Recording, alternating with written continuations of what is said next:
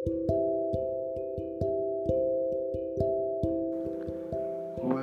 two, three, gas kuy. Kembali lagi di podcast gua. Bersama gua, Dani. Kali ini gua mau ngomongin Temanya cukup berat Yaitu Idealisme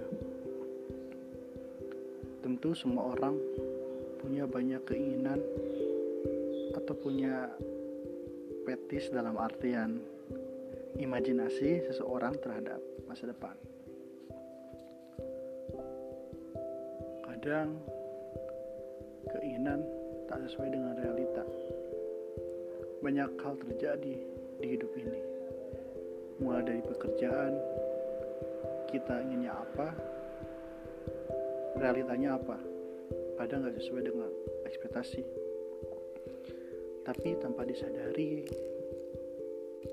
kadang realita yang terjadi adalah jalan hidup terbaik yang telah dirancang oleh Tuhan. Kita nggak tahu banyak hal yang tidak mungkin tapi bisa menjadi mungkin karena kuasanya jujur gue juga punya idealisme gue pengen kuliah di sana, pengen punya masa depan ini, tapi realitanya belum tentu itu bisa terlaksana. Tapi satu hal yang bisa gue petik dalam pelajaran hidup, segala sesuatu yang dirancang oleh hati dan usaha akan berbuah manis di masa depan. Meski hal tersebut bukan yang kita rencanakan, tapi hal tersebut akan menjadi hal terbaik yang kita dapatkan. Dunia memang tak adil, begitu pukasnya. Kadang kita melihat orang, wah, orang itu bakal sukses dari hal yang kita temui dan kita lihat di dunia ini wah orang itu punya peluang besar. Tapi hal tersebut tidak menjamin di masa depan. Sesuatu dapat berubah dengan hati dan usaha, meskipun bermodal kepercayaan dan rasa ikhlas. Ada kemampuan intelektual tidak menjamin seseorang akan sukses di masa depan.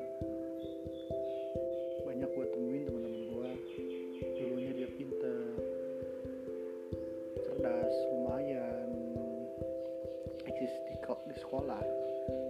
Tapi kebanyakan juga di masa depannya atau saat ini mereka terlihat biasa saja dibandingkan dengan orang-orang yang dulunya disepelekan tapi kenyataannya sekarang dia dapat berkembang dengan pesat. Hal tersebut membuktikan bahwa hati dan usaha dapat mengubah masa depan, bukan hanya sekedar kemampuan intelektual. Kadang idealisme juga bisa merusak seorang. Oleh karena itu, hidup ini kita harus menyimbangkan antara idealisme dan rasa toleransi. Apa yang dimaksud dengan toleransi dalam idealisme? Gue berikan contoh dalam pekerjaan. Semisal gue kuliah jurusan A, tapi kerja di jurusan B memang nggak sesuai dengan passion atau sesuai dengan idealisme kita yang mencanangkan hal tersebut dapat kita kerjakan. Tapi kita dalam hidup nggak bisa idealis full kalau kita idealis secara full kita nggak bisa bertahan hidup atau survive dalam hidup. Kita boleh idealisme tapi kita lihat dulu keadaan kita seperti apa dalam kerjaan kita idealisme ingin menjadi idealisme kita, ingin keinginan kita ingin seperti ini, tapi realitanya kita nggak bisa melakukan tersebut. Oleh karena itu kita harus mengikuti alurnya terlebih dahulu. Setelah kita bisa, baru kita bisa idealisme dengan modal yang kita punya. Saat kita telah mencapai sukses tersebut baru kita bisa idealisme idealisme dalam kesusahan akan merusak diri kita sendiri.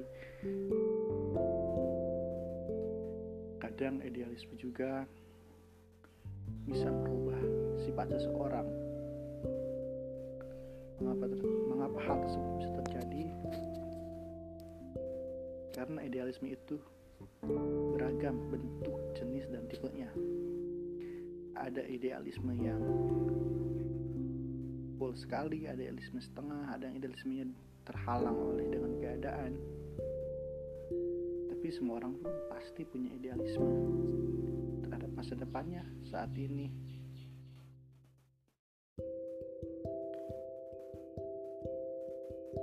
Mungkin